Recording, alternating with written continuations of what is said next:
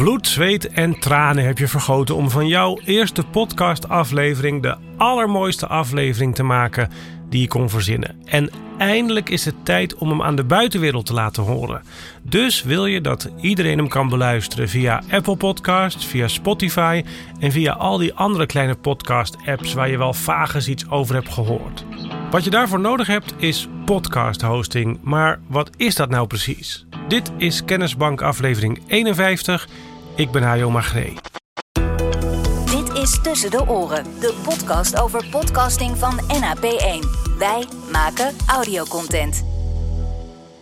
Aan het eind van het montageproces heb je je podcastaflevering opgeslagen als MP3 of misschien als WAV-bestand. Daarover heb ik het gehad in aflevering 49. Nou wil je natuurlijk dat jouw publiek dat audiobestand kan beluisteren, maar om het heel precies te zeggen bestaat een podcastaflevering eigenlijk uit nog een paar extra dingen, behalve alleen dat audio. Podcasts hebben meestal ook een titel, een omschrijving en vaak ook een plaatje en er zijn nog een paar andere wat meer technische ingrediënten, maar daar kom ik later nog wel eens op terug. Die omschrijving die noemen we ook wel de show notes. En samen met de titel en het audio zijn dat zo'n beetje de drie basisdingen die jij achter je bureau schrijft en monteert en uiteindelijk aan je publiek wil versturen. En voor dat versturen gebruiken we good old internet. Dat had je waarschijnlijk zelf ook al wel bedacht. Maar net als een website moet ook jouw podcast ergens wonen. En net zoals websites wonen podcasts op servers die zich daarvoor gastvrij opstellen, vandaar het woord host of hosting. Het geluid van je podcast, de titel en de show notes die staan dus op een server. En iedere keer dat iemand jouw podcast gaat beluisteren, legt hij of zij vanuit die podcast-app contact met die server en wordt het audio van die server verstuurd naar de telefoon en daar vervolgens afgespeeld en beluisterd. Dat stukje serverruimte om je podcast naartoe te uploaden, dat noemen we dus podcast hosting. En die hosting die kun je ergens huren of in sommige gevallen ergens gratis krijgen. De kosten van podcast hosting zitten eigenlijk in vier dingen: de opslagruimte van alle bestanden, van alle afleveringen bij elkaar. Dan zijn er kosten voor het verkeer, dus hoe vaak jouw podcast wordt verstuurd naar de luisteraars. Daar betaal je ook voor. En hoe meer luisteraars, hoe meer dat kost meestal. Dan betaal je natuurlijk voor de user interface, voor de website waar je dat naartoe kan uploaden. En je betaalt een beetje voor de support, voor de helpdesk, nou, voor iemand waar je vragen aan kan stellen. En meestal worden al die kosten platgeslagen in een abonnementstarief per maand, een flat fee. Voorbeelden van podcast hostingbedrijven waar jij klant zou kunnen worden zijn Transistor, Acast, Red Circle, Springcast, dat is een Nederlandse, Art19, Wooshka, Podbean, Buzzsprout, Blueberry, Noem het allemaal maar op. Dat zijn allemaal podcast hostingbedrijven, organisaties dus die woonruimte voor je podcast aanbieden en jouw podcast voor jou naar de luisteraar kunnen versturen.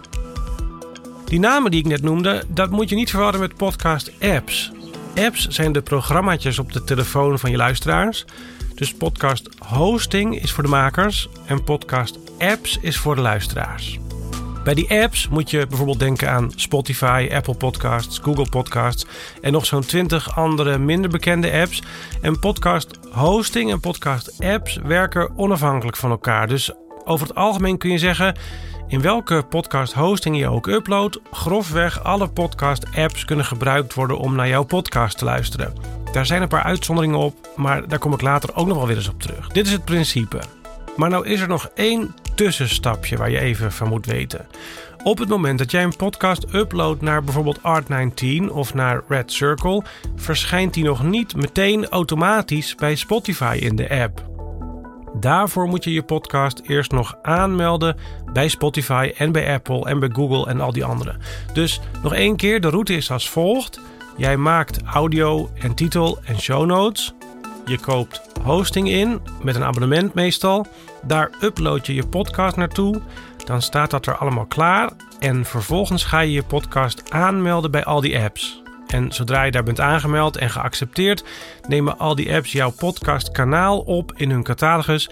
En dan pas kunnen mensen in die apps jouw podcast vinden en beluisteren. En dat aanmelden, dat hoeft maar één keer als je een nieuw podcastkanaal start. Daarna, bij het publiceren van vervolgafleveringen, komt het wel automatisch in al die apps terecht. Dus je nieuwe afleveringen verschijnen daar dan automatisch. om je podcastkanaal aan te melden bij al die apps. Daar heb je iets voor nodig dat een RSS-feed heet.